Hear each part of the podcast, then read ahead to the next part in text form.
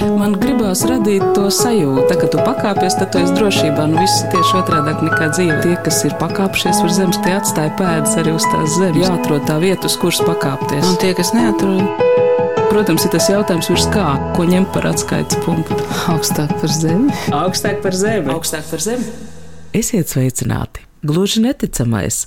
Martas Skavronskas, vēlāk cara Pētera pirmās sievas un Krievijas imperators Katrīnas pirmās dzīves stāsts neliek mieru vēsturniekiem un vienkārši interesantiem nu jau gadu simtiem.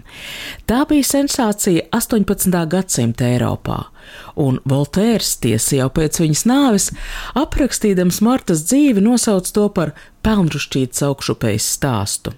No jauna interesi par Martu uzjundīja nu pat arī latviski iznākušais lietuviešu bestsellera autors Kristīnas Sabaļaus skaits romāns Pētera Imperatori, un tajā rakstniece Martas izcelību saista vispirmām kārtām ar viņas lietuvisko izcelsmi. Protams, mēs Martu Skavronsku, kā bībeles latviskotāja Ernsta Glika auģumeitu, uzskatām par savējo, jo īpaši trimdas sabiedrība vēsturnieks Edgars Dunsdorfs pagājušā gadsimta vidū aizstāja aizstāvēja hipotēzi, ka Marts tēvs varētu būt bijis Latvijas, Zviedru vidzemes karavīrs Stepiņš Krauklis. Savukārt Igaunijā Nacionālās operas valsts simtgadus programmas plānos ir Tomasa Edūra balets, kas pavisam drīz apgalvos, ka Krievijas Katrīna nāk no Igauniem. Mans vārds ir Anna Bušvica, un es vēlējos uzmeklēt Latvijā nopietnus pētniekus, kas iedziļinājušies Martas Kauronskas dzīves stāstā, un mani izvēlētie sarunbiedri šodien. Ar atsaucēm pamatot sākotnēji žurnālā Karoks, šobrīd jau internetā pārpublicētā raksta ķēzariena Katrīna I, jeb kādu senu laikmetu un neparastu stāstu atceroties autors, vēsturnieks Aldus Upmals un teātra zinātniece Guna Zeltiņa, kur par Martas Kauronsku vēlāko Katrīnu I ir uzrakstījusi lūgu. Es gribētu, lai sarunu mēs sāktu ar to, ka jūs katrs izstāstat, kā jūsu ceļi ar Martu Skavronsku ir krustojušies, kādu iemeslu dēļ jūs esat sākuši par viņu interesēties. Savulaik strādājot vēl rakstniecības muzejā, apstrādājot no trimdas ienākušas materiālus, atradu pie viena rakstnieka arhīva. Tā tad arī neliela vakumiņa par viņu nu, nolēmu uzrakstīt. Kas jums bija tas interesantākais atklājums? Noteikti rakstu veidojot, nu, kaut kādas tādas līnijas izvirzās priekšplānā. Interesants bija tas, cik daudzveidīgi viņa ir traktēta un uh, cik daudz ap viņu baumas bija. Guna, kā ar jums? Man jau faktiski šī interese radās bērnībā, jo mans vectēvs, pie kura mēs salūksnē ar brāli dzīvojām, viņš bija ļoti liels sava novada vēstures entuziasts. Un viņš man kopš bērnības vadīja pa mežiem, tur pa pļāvām, gar alūksnes ezeru un stāstīja. Tēreiz dzīvoja Marta Skauronas, ka glika mācītāja mūžā, un tad viņa ziemeļkara laikā te ieraudzīja tas un tas. Un viņš pat rādīja to akmeni, uz kura it kā viņa ir pakāpusies zirgu dzirdināt, kur viņa it kā ir ieraudzījuši šeremeķi Krievs. Nu, tās, protams, es vēlāk sapratu, ka tās visas ir leģendas. Jo nu, Krievijas karaspēks tojās, diez vai tur vietējie tā tik brīvi varēja tur savus zirgus vadīt un dzirdināt. Un tā. Bet katrā ziņā man šis liktenis ļoti ieinteresēja, kā tiešām vienkārša meitene, kura bija kalpone drīzāk tomēr kā auģu meita glika ģimenē, kā viņas liktenis pavērsās tā, ka viņa nokļuva Krievijas tronī. Un vecāks tur stāstīja ļoti daudz par viņas tiešām harmonizējošo ietekmi uz Pētera pirmā personību. Jo mani arī ir nodarbinājis jautājums par to, kā piemēram Ivana Bargā liktenis būtu veidojies, ja viņam nebūtu nomiruši viņa mīļotā, ļoti labestīgā sieva, jā, jo viņš pēc tam nokļūst citā ietekmē. Varbūt tas nebūtu Ivans Bargais. Un to, ka pat uh, Katrīnas nelabvēļi atzīst, ka bija šīs Pētera pirmā veselības problēma, šīs krītamās skaitas epilepsijas un trakuma lēkmes, ar kurām vienīgā Katrīna spēja tikt galā, un kā darbojās šis, nu, es gribētu teikt, latviešu vai vidzemē augušas sievietes prasmes, dzīves gudrība, izturība, pacietība, kā tas viss atspoguļojās, teiksim, šajā lielajā mērogā. Vienmēr tas ir bijis tāds stāsts, par ko es esmu brīnījusies, ka tomēr latviešu, nu, es domāju, agrāk tur ir, tur pilsoņu jēkaba grāmata ir un ir Aleksandra Grīna dārza darbi, kur tas ir pieminēts, un ne vai Mārtužēri, bet faktiski mūsu teātrī, kino, arī mūsdienu literatūrā šī tēma neinteresē rakstniekus. Nu, nav ieinteresējis līdz šim tā plašāk. Jā. Es domāju, ka tomēr šis stāsts ir pelnījis ievērību. Un tas ir jūs arī izprovocējis no teātra zinātnieces kļūt par dramaturģi? Es netaisos absolūti par dramaturģi, un es negribu mūsu dramaturgiem mājas noņemt, bet vienkārši es ļoti vēlējos izstāstīt šo stāstu. Un kā es to prātu, tā es to mēģināju ielikt darbībā, dialogos, lai gan, protams, ļoti grūti ir atrast darbības, tik maz ir šo materiālu. Par Šekspīru saka, ka tur uz vienas aploksnes var uzrakstīt visus viņas dzīves faktus. Ar Martu ir līdzīgi. Un, protams, šie traktējumi, kā jau Upmaļkungs teica, ir ļoti dažādi, bet tas pamatmateriāls, jā, no kā iziet, ir ļoti skops šeit pavērs ļoti lielas interpretācijas iespējas, ko mēs arī redzam Sabaļauskietes romānā. Jā. Fragments no Kristīnas Sabaļaus skaitas grāmatas Pētera Imperātora Gundars Āboliņš lasa Latvijas Rādio 1 raidījumā Radio Mazā lasītava.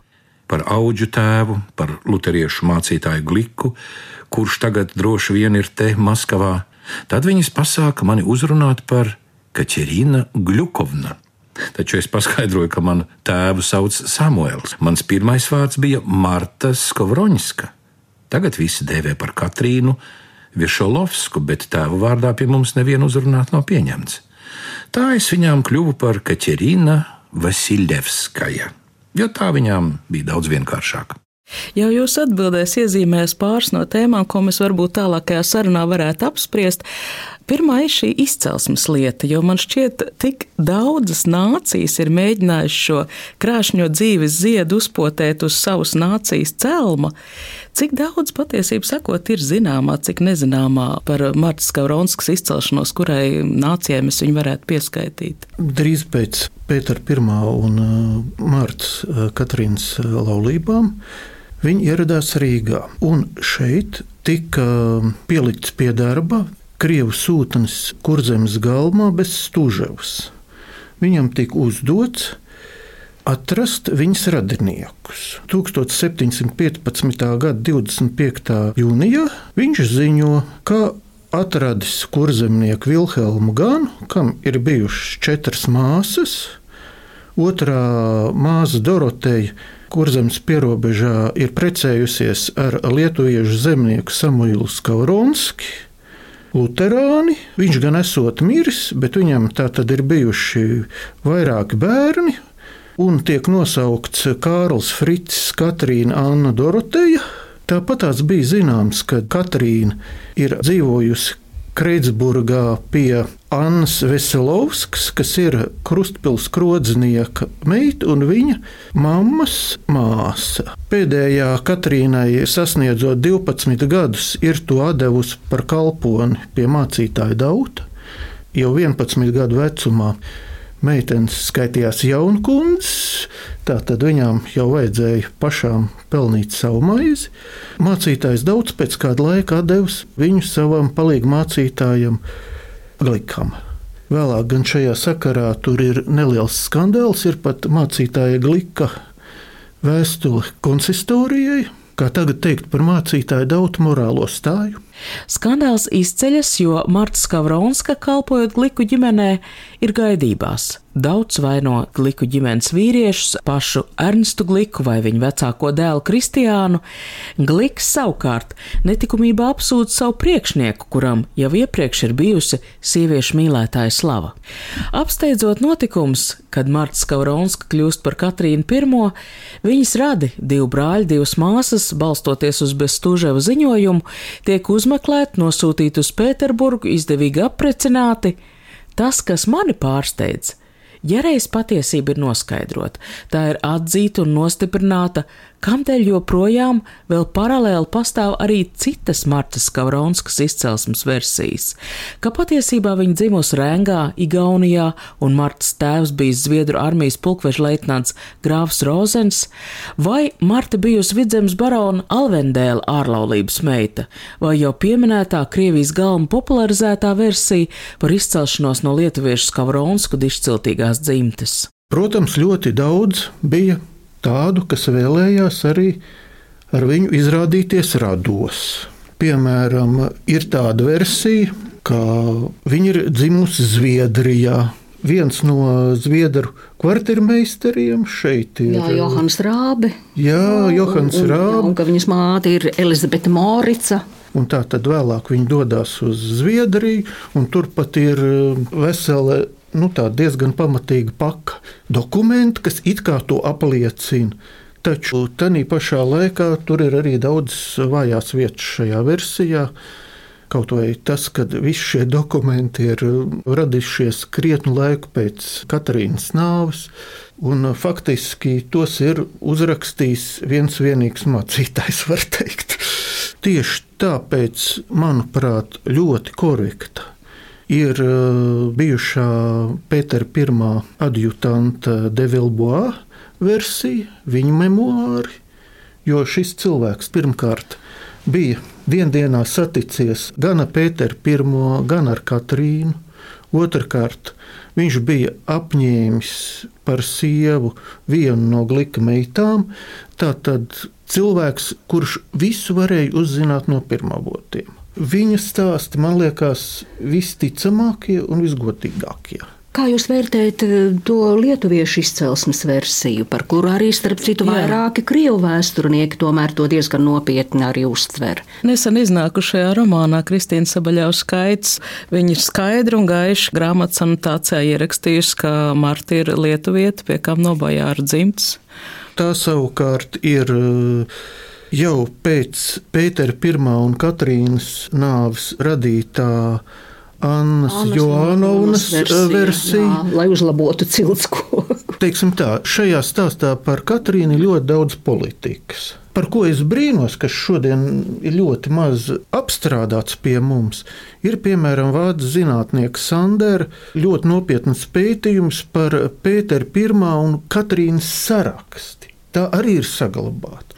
Ja runājam par vēstulēm, man ļoti interesanti liekas, mēs it kā savā iztēlē, tātad Ernesta Glika auga meita, tātad bijusi klāt pie Bībeles tulkošanas, tāpat laikā, cik zināms, viņa ir bijusi analfabēta. Marta Skavronska nav pratusi parakstīties. Arī šīs vēstules, acīm redzot, nav rakstījusi viņa pati. Vienkārši atcerēsimies, ka kopš 1687. gada ģenerālgubernatora Hastfera ierosinājums Vidzemes landāgam, kas tiek pieņemts par zemnieku skolu dibināšanu katrā pagastā. Un ir zināms, ka gan mācītājs Daudz, gan mācītājs Gliks bija ļoti aktīvi šajā darbā. Un vēlāk tātad mācītājs Gliks ar šo pieredzi bagātināts Maskavā izveidoja vienu no pirmajām nopietnām skolām Krievijā. Ja šī kalpone tātad pie šiem diviem mācītājiem ir kalpojusi, tad apgalvot, ka viņi ir bijusi pilnīgi analfabēti vai pratusi tikai parakstīties, tas gluži neiztur kritiku. Kā jums šķiet? Nē, izklausās ļoti pārliecinoši. Tajā pašā laikā ne tikai krievu vēsturnieki, bet arī ārzemju teiksim, diplomātiskā korpusa pārstāvi, kas bija Krievijā, nu, viņi tomēr atzīmē to, ka visus valsts dokumentus, jau pat kā imperatori, viņas vietā parakstīja Ostermans. Un uh, krievu vēsturnieki arī uzsver to, ka šīs vēstules, kad tiklīdz paaugās Anna, tā Anna rakstīja viņas vietā vēstules, pēc tam Elizabete, un pirms tam Aņisja Tolstoja, ar kuru viņa bija kopā Preobreženskas galmā pie Natālijas, ka tomēr rakstīt viņa īsti neiemācījās. Viņa mācījās, viņa ļoti labi runāja krieviski, kas arī jau tomēr bija daudz, un viņa turklāt runāja arī, kā mēs zinām, vāciski un arī zviedriski, jā, par ko ārzemnieki brīnījās. Daļa literatūrā ir liecības Aleksandram Grīnam, man šķiet, un arī Aleksējam Tolstojam, ka Gliks mēģināja viņai mācīt, lasīt un rakstīt, bet ka Glika kundze viņai tūlīt, tūlīt uzdeva kādu darbu darīt, un viņa negribēja, lai Marta māk. Un ka šajās skolās jau galvenokārt mācīja mācījās zēni sākumā. Meitenes tomēr mājmācībā vairāk apguva šīs zinības. Tā ka grūti pateikt. Tāpēc es ceru, ka tēvoča glika Bībele atnesīs cilvēkiem gaismu, ko tie katrs varēs atmirdzināt tālāk un tālāk, līdz gaisma būs visapkārt. Vai tā ir metafizika, ko māca skolās? Diemžēl, varētu teikt, arī dievam žēl, gaismu, kas visādi spīd laukā, daudz mēģina paturēt ieslēgtu un aptumšot. Taču tēvocis Gliks bija citādāks. Viņam piemita tiecība īstenot to misiju, kas, viņš ticēja, ir viņa priekšā nolikta. Es redzēju viņa pārmainīto garu. Savu paļaušanos viņš bija apguvis ne tikai pēc burtiem un rakstiem, bet iemācījies dziļi sevī tik ļoti, ka tā bija kļuvusi par viņa būtības izteicēju, nevis tikai mācību, ko varēja atstāstīt pēc pieprasījuma. Dieva vārds, ko tēvocis garās stundās no saulēkta līdz saulrietam visādi pārcilāja, tulkoja un komentēja, viņā bija iedvesis savu garu. Apmēram pirms gada iznāca Inga Žoluds un Tīta Aleksejeva grāmata Livonijas debesis. Igauņu un latviešu rakstnieku versija par Martas Skavronskas dzīvi. Arī tās lasījums varat meklēt radio mazā lasītāja arhīvā. Inga Žoluds stāsta centrā ir Martas attiecības ar rakstīto vārdu. Rakstniece respektē vēsturnieku vairākumu versiju, ka Marta rakstīto vārdu nav pratusi, taču mūsdienu cilvēkam var būt grūti šo niansu aptvert. Tas jau neliedz attīstīt skaistumu izjūtu. Arī lasīt nepratējs varētu būt spējīgs novērtēt dievvvārdu valodas skaistumu uzklausot tapušo Bībeles tulkojumu vai nu gliku mājās vai baznīcā dievkalpojuma laikā. Jo mēs būtībā runājam par izglītotu cilvēku, kurš tikai neprata rakstīt. Tātad mēs runājam par cilvēku, kurš iereiz viņa gāja iepirkties, tātad saskaitīt, atņemt mācēju, pārvaldīja vairākas valodas. Ja cilvēks tomēr dzīvo un palīdz saimniecībā krogā, aritmētiskās darbības ir jāzina perfekti. Un arī valodas. Un, ja rēķināsim tādu krustpili starp kurzem un vidzemi pilsētu, un vidzemē ir vācu mužniecība vairāk pievārs, kurzem tajā laikā tomēr ir polijas pakļautībā. Tātad valodas ir jāzina. Ja zinām, ka tomēr viņas tēvs ir bijis lietuvietis, tad ļoti interesanti būtu, ja viņa nezinātu lietuviešu valodu. Ja viņas mamma ir bijusi kurzemniece, tad latviešu valoda ir pārzināta. Nu, iespējams, vēl kādas valodas, jo tomēr klientūra krogu ir ļoti dažāda. Nu, es domāju, tas krogas periods jau bija tad, kad viņa bija ļoti maza meitene. Tur arī dalās tās ziņas, cik viņa trīs gadu vecumā tur nokļuva pie tiem radiniekiem vai vēlāk. Un, un līdz 12 gadiem. Nu, jā, nu, līdz 12, 12 gadi. Gadiem. Tas jau ir ļoti cienījams nu, vecums cilvēkam. Nu, jā. Pie glikiem alūksnē, toreizējā Marienburgā, Marta nodzīvo līdz 15 gadu vecumam. 1702. gadā viņa tiek izdota par sievu zviedru dragūnam Johanam Krūzem. Laulība gan ilgst tikai nedēļu. Tā kā ir sācies lielais ziemeļu karš, Krūzes pulks dodas uz Rīgu un Krūze pazūd bez vēsts. Marta atgriežas pie glikiem. Šai pašā 1702. gadā Marienburgas cietoksni aplēns Krievu karaspēks grāfa Borisa Šeremeķeva vadībā. Par Krievu kara gūstekni kļūst arī Marienburgas prāvests bībeles tulkotājs Ernests Gliks ar ģimeni, kurš starp citu jau alūksnes periodā esot ar kādu Krievu mūku palīdzību uzsācis bībeles tulkošanu no baznīcas slāvu valodas krieviski. Kāds bija tomēr Marta status Glika ģimenē? Jo, kad Ernsts Gliks dodas uz Maskavu, Marta netiek ņemta līdzi. Kāpēc tā? Nu, tādēļ, ka viņi noskatīja Šeremēķevs. Šeremēķevs viņu paņēma kā veļas mazgātāju un kā saimnieci, un pēc tam no Šeremēķevs savukārt viņu Menšikovs paņēma kā kara laupījumu, un tikai tad pēc tam pie Menšikova viņi ieraudzīja Pēters I. Tur arī ir dažādas versijas par šo Marienburgas vai Lūksnes krišanu, jo viena versija ir tāda, kādu apraksta Sabaļauskieta savā romānā, ka viņa vienkārši bija tirgu, un tad bija tas briesmīgais iebrukums, un jau tur sāka tās sievietes izvarot bet otra versija ir tāda, ka tas viss notika tikai pēc tam, kad Zviedri lauza, Zviedru garnizona komandieris lauza to vienošanos, jo bija jau norunāts, ka ļaus iedzīvotājiem mierīgi aiziet un iziet no pilsētas. Un it kā jau tika sākta šī atkāpšanās, bet tad uzspridzināja šo cietoksni, un tad sākās viss šī vardarbība un dedzināšanas, un tas viss pilsētā. Ir viena versija, ka viņa tomēr netika ne tur izvarota, ne tur pa zaldātu vezmiem vazāta, ka viņa kopā ar Glika ģimeni aizgāja uz Krievu nometni, un Gliks piedāvāja Šeremēķevam savu stūka pakalpojumus. Ir pat leģenda, ka viņš ar slāvu, ar Krievu bībeli viņš devās uz šo Krievu nometni, un viņš teica, ka viņš to var iztulkot, un, un ka viņš piedāvā savus pakalpojumus tikai, lai nodrošina viņam un viņa cilvēkiem drošību. Vismaz pēc Devilboā versijas ir, kad viņi ir atradušies cietoksnī, Pirms garnizona komandants nolēma cietoksni uzspridzināt, viņš ir par vārtiem izlaidis civiliedzīvotājus.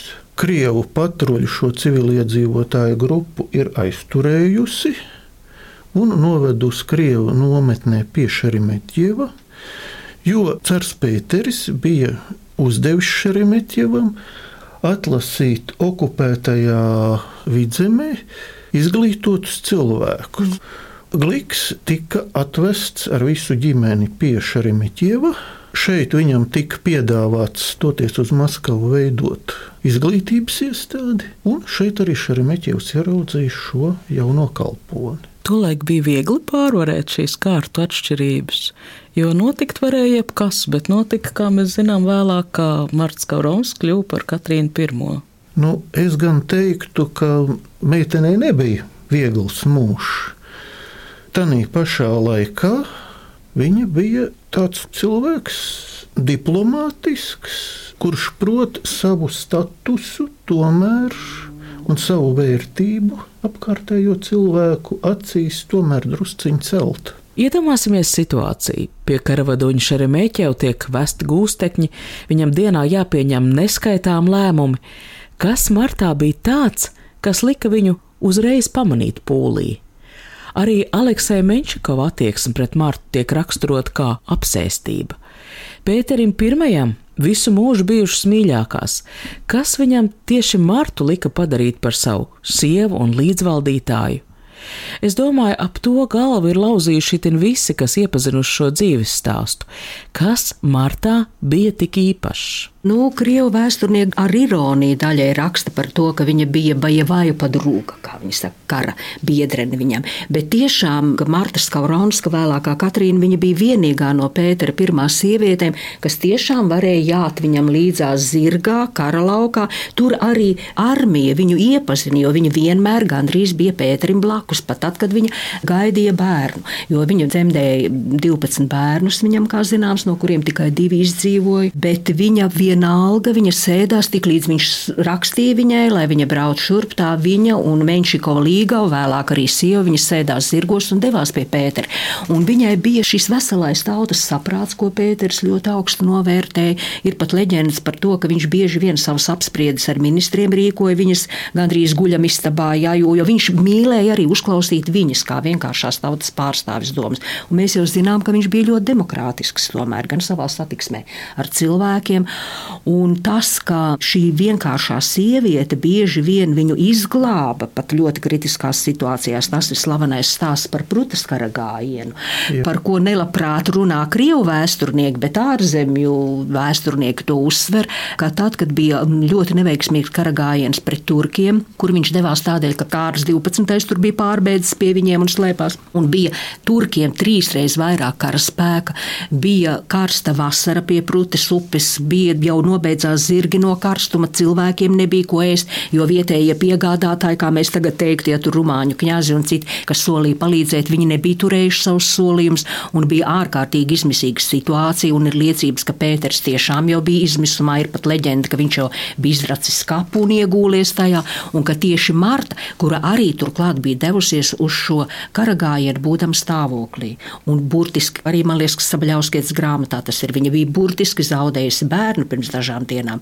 Un viņa tomēr spēja saglabāt šo garu, ka ir jāatrisina šī situācija, un viņa ieteica uzpirkt šo turku karavādonu, un pēc viņas iniciatīvas tika savāktas dārglietas, tika savākta nauda, un viņa noslēdza pamieru un, nu, teiksim, izgāja Krievu armijas veikā ar daudz mazākiem zaudējumiem, kā būtu bijis. Un tieši tādēļ Pēters arī nodibināja šo svētās Katrīnas ordeni, un arī tieši tādēļ viņš viņu pēc tam kronēja par līdzimperatoru. Tieši pēc Prutas kara gājienu viņš viņu oficiāli apprecēja beidzot 1712. gadā.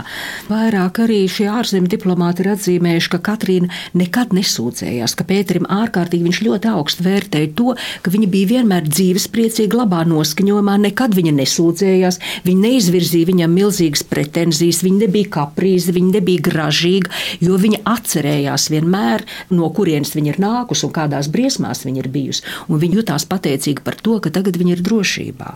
Iespējams, Pēterim ļoti no svara bija tas tomēr, ka viņu viņa ģimenē arī centās ļoti bieži izmantot.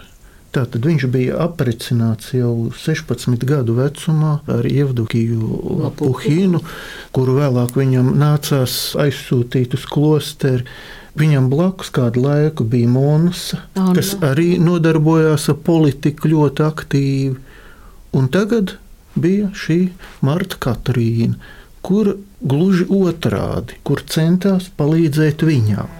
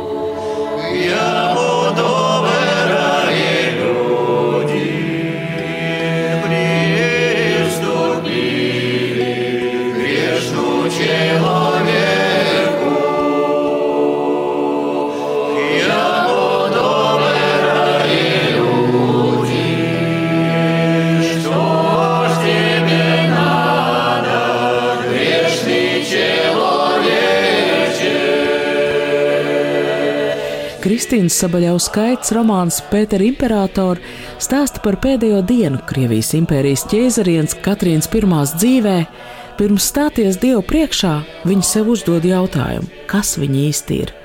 Bārene Marta Skavronska, piederīga savā aizbildņu, Veselovsku vai Gliku ģimenēm, kristīta pareizticībā kā Katrīna Mihailova proti bezvārdu Katrīnu, jo Mihēlovs bija segvērts, ko pats Pēters I pieņēma, kad ceļoja inkognito. Par Krievijas impērijas ķēzarieni Katrīna I kļuva 1925. gadā, kad ar vēl vienu neskaidrs izcelsmes karavadoņa, Ņaza Menšikova atbalstu, guva virsroku pučā, kas izcēlās pēc Pētera I nāves. Ne, nu, viņa neapšaubāmi turpināja tomēr visus savu iespēju robežās. Viņa turpināja viņa iesāktos projektus. Nu, Krievu vēsturnieki par to ironizē, kā Katrīna un Menšikovs neprasdami neviens ne otrs nelasīt, nerakstīt, kā viņi saka, atklāja zinātņu akadēmiju. Ja? Bet tā, protams, nebija viņas ideja. To jau rīkojumu par zinātņu akadēmijas dibināšanu bija Pēters I parakstījis. Bet tomēr viņa inteliģenti valdīja līdz ar šo slepeno padomi.